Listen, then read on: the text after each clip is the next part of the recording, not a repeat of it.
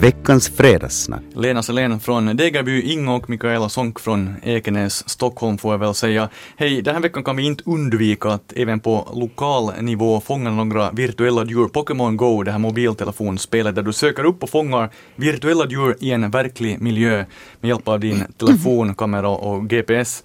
Lena, hur många har du fångat den här veckan när du sträckt omkring i Degerby? Jag har, jag har inte fångat, men besökare på Igormuseet har fångat. Så jag är jättelycklig. Vi har alltså tydligen någonting där. Men jag kan inte här ännu. Jag, jag kan inte. Jag, jag, jag, tycker det är fascinerande och jag tycker det ger möjligheter. Det öppnar visioner som man inte ens har vågat tänka på här när alla har suttit hemma vid datorn och bara glott på den. Mm. Så, så det, där, det här är jättebra men, men exakt hur man använder det och så vidare. Det kan jag inte ännu. Ja, men du, du lär dig nog, men då kanske äh, Degerby muse, äh, Igor i Degerby ja. museet har fått äh, nya besökare. Eh, Tack vare. Tydligen så har vi fått några ungdomar och det är ju jättebra. Det är ju precis det som vi vill ha. Så. Vad säger du Mikaela? Jag har inte heller testat ännu men, men jag, jag, måste nog, jag måste nog testa alltså Pokémon. Jag tycker det är en jättebra idé. Äntligen ett spel som får ut människor, inte bara barn utan också vuxna som, har, som är spelberoende som sitter hemma dagarna i ända och, ända och spelar. Så nu går de i alla fall ut. Sen är det en annan sak att de har, det har en massa bilkrockar och folk som har gått ner i sjön. Och, och, och i Sverige hade de haft några Pokémon figurer utsatta utanför någon sån här krishem för, för liksom kvinnor som har sökt skydd från våldsamma män och så där, som lever liksom under udda skyddad identitet så det är kanske inte så bra då att folk springer där. Så man kanske borde ha kollat lite noggrannare var man har satt de här Pokémonarna men annars är det jättebra idé. Ja, jag vet faktiskt inte hur man har räkna ut eller hurdana algoritmer man har använt för att placera ut de här olika virtuella djuren. Det finns både för och nackdelar. Det här lite med att man har kommit in på andras områden och så vidare. Så, så igår kom ett äldre par till, till redaktionen här i Ekenäs och berättade om, om att eh, kvinnan föll utanför kyrkan i Ekenäs. Jag vet inte om det var trappan där eller, eller någonting och slog sig. Och där fanns eh, flera unga som satt med sin mobiltelefon och eh, hon ropade på hjälp högt enligt hennes berättelse men ingen kom och, kom och hjälpte henne för att de var så fast i det här alltså. spelet. Alltså fruktansvärt. Det är trend, ja. dagens trend.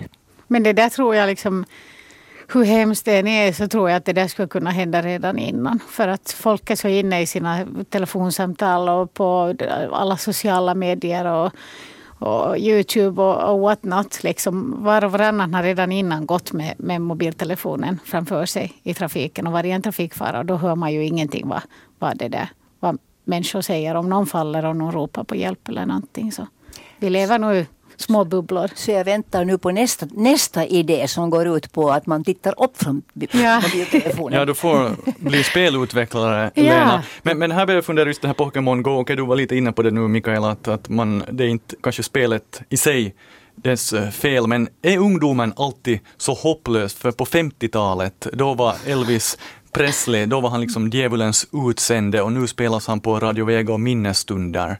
I will always alltså, love you. Alltså jag var 15 år på 50-talet och jag, jag minns precis hur mina äldre kusiner föraktade Elvis Presley och skrattade ut honom. Och det där, jag tyckte att han var rätt bra. Men, men, men där, så, så där är det. det ja. Trender kommer och trender går. Det, det bara är så att saker förändras. Jag tror nog att det kommer ganska snart någonting nytt. Vi hade Tamagotchi för inte så hemskt många år ja. Sedan. Och, och det, där, det, ja. det, det, kommer och det går.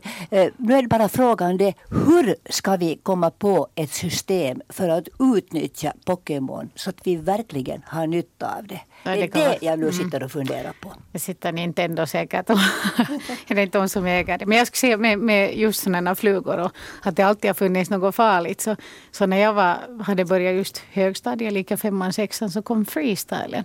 Ja, alltså, ja. Då hade man ju också favoritmusiken på full volym och inte så hörde man ju bilar som tutade och man cyklade mitt på vägen. Och nu, nu, känner jag mig, nu känner jag mig gammal fast du är äldre Mikaela. Jag, alltså freestylen, det, den här Walkmanen alltså med Walkman. kassettspelare. Med kassettspelare. Ja, det var fina Först grejer. den. Sen typ när jag började i gymnasiet typ, så först så kom liksom med CD-spelare. Den var ju hopplös för den hoppade hela tiden. Ja, det är sant.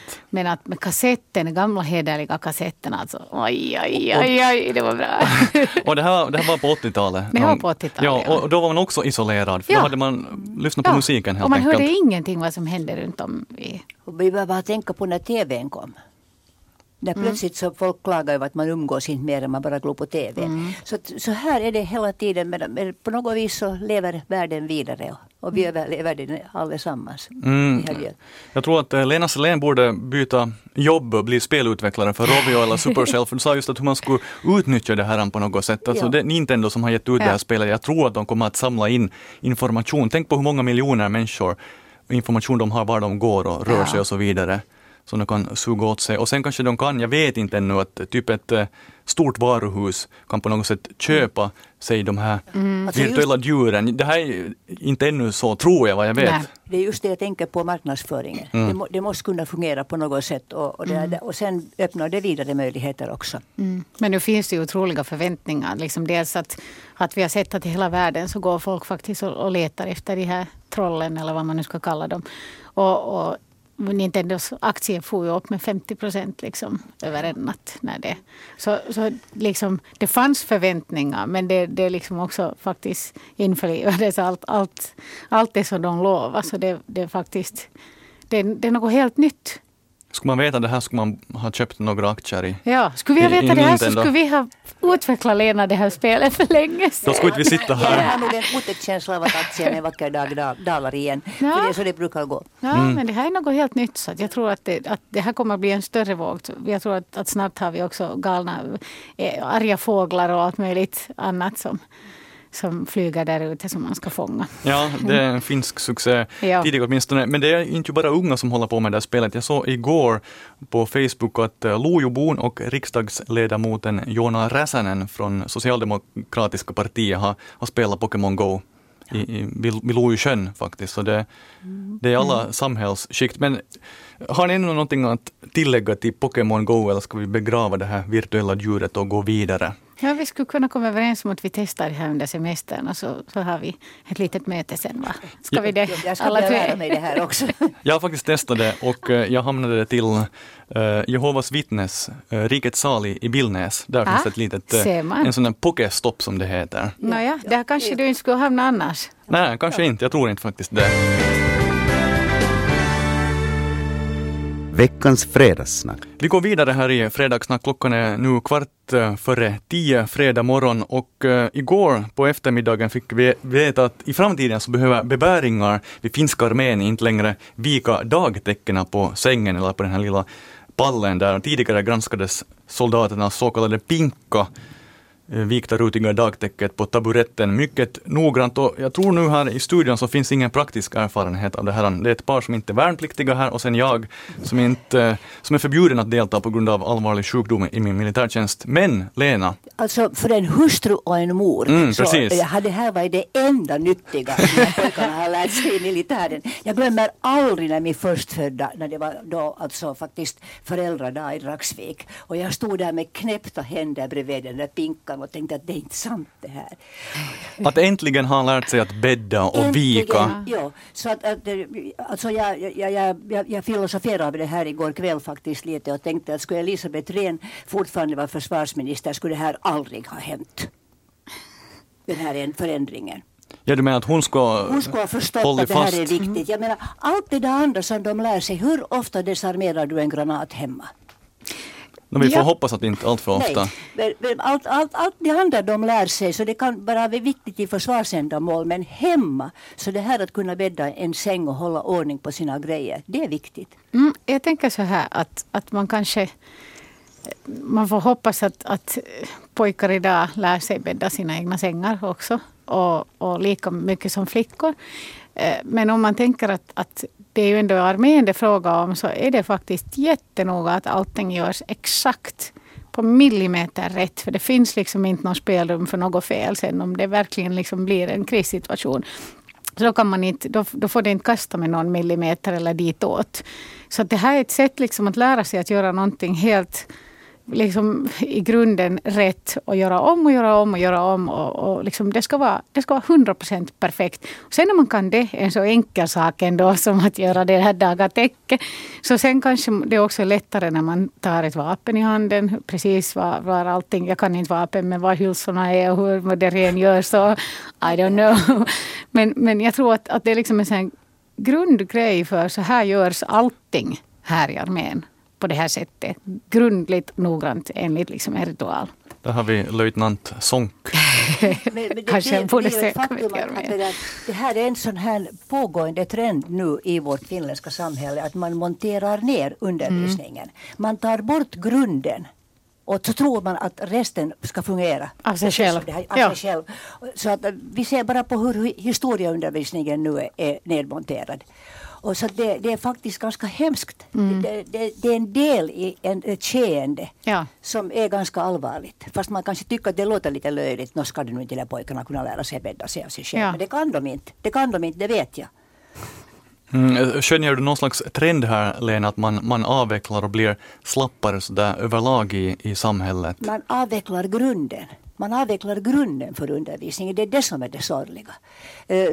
Eh, Det, det, man får inte veta till exempel Finlands historia bakåt överhuvudtaget egentligen. Och det här gör ju att människor blir mer likgiltiga för en massa olika saker. Det är faktiskt ganska, det är hemskt allvarligt egentligen. Fast man kanske kan skämta om det också. Men, men, men det där, huvudtaget det här, man, man avvecklar språkundervisningen också. Mm. För att man tror att om folk lär sig svenska så kommer de aldrig att lära sig något annat språk. Och Det finns en massa sådana här olika trender och jag spårar ju nog ett faktum i att vi har en sann finländsk mini- försvarsminister. Som man nu har varit okej med att Nylands brigad fortsätter faktiskt. Han ändrar ju lite Tills sin vidare. åsikt Det- tills vidare. Tills vidare. Ja. Det är det de alltid säger. Mm. Ja, men, men vi, vi, har faktiskt diskuterat den här saken hemma. Min man har varit i armén. Och och han kan bädda. han kan bädda. Och han sa att det, det egentligen handlar också om att lära sig ta order. Att det, var, det, var, det var fruktansvärt när, när och han är jättepedant alltså. Min Robert är jättepedant måste jag säga. Jag vet inte om det sen har att göra med armén eller inte men, men han är pedant. Och när han hade sin fina hög och så kommer någon och kastar omkull den. Att, att den liksom lite den där förnedringen men samtidigt att göra om och göra det snabbt och göra det rätt igen. Och, så liksom, och det är ju det som också armén handlar om. Det, du, får, du ska inte liksom sen tänka själv i, i krissituationer utan du ska göra det som, som alltså order som kommer. Att det är kanske lite den där Alltså just någon slags ritual liksom. Så, så är det. Och sen vet jag också det här med, med att eh, vika det här eländiga dagatäcket. Så det, blir, det skapar någon slags samhörighet Mm. i, stugan. Man har en, en gemensam fiende, det där täcket Ja, och sen exakt, understödskanten ja. som är och river, river bort det och tvingar en springa i korridoren som, som Batman. Ja. Jag tror att vi, jag tror att vi lämnar det här dagatäcket nu och vi går vidare till lite kulturfrågor och eh, könsfördelning, jämställdhet. Veckans fredagssnack. Finlandssvenska sommarteatrar, de största, skrivs och styrs av män. Så även på Raseborgs sommarteater. Det var Yle Kulturen här tidigare i veckan som kollade lite de senaste tio åren, de sex största sommarteatrarna i svensk Finland. Raseborgs sommarteater har om man kollar på regiarbetet, regissörer, så senaste tio åren haft bara en kvinnlig regissör vid sommarteaterna. Där, vad säger du, Lena Salén, du är ju en, en kulturpersonlighet. No, jag tycker att det är lite roligt. Jag tycker att det här verkar som ett ämne som en redaktion i kris i juli som eh, fattig på idéer försöker fiska upp. Ursäkta nu. Men, och dessutom som vanligt från en redaktion i Ekenäs så har man väldigt svårt att se över väga själv. Eh, Så ingen har liksom märkt att vi i Sjundeå eh, Eh, har haft sommarteater år efter år efter år. Eh, Lena Lehtolainen var den första författaren eh, av pjäsen. Vi har, själv har jag skrivit några pjäser där. Så, så på något vis så känns det lite onödigt. Nu finns det ju kvinnor som skriver och, och det där gör teater också. Jag kan inte fatta vad det, vad det, vad det är för fel på att karlar regisserar. Får man någon kvinnlig regissör som vill regissera.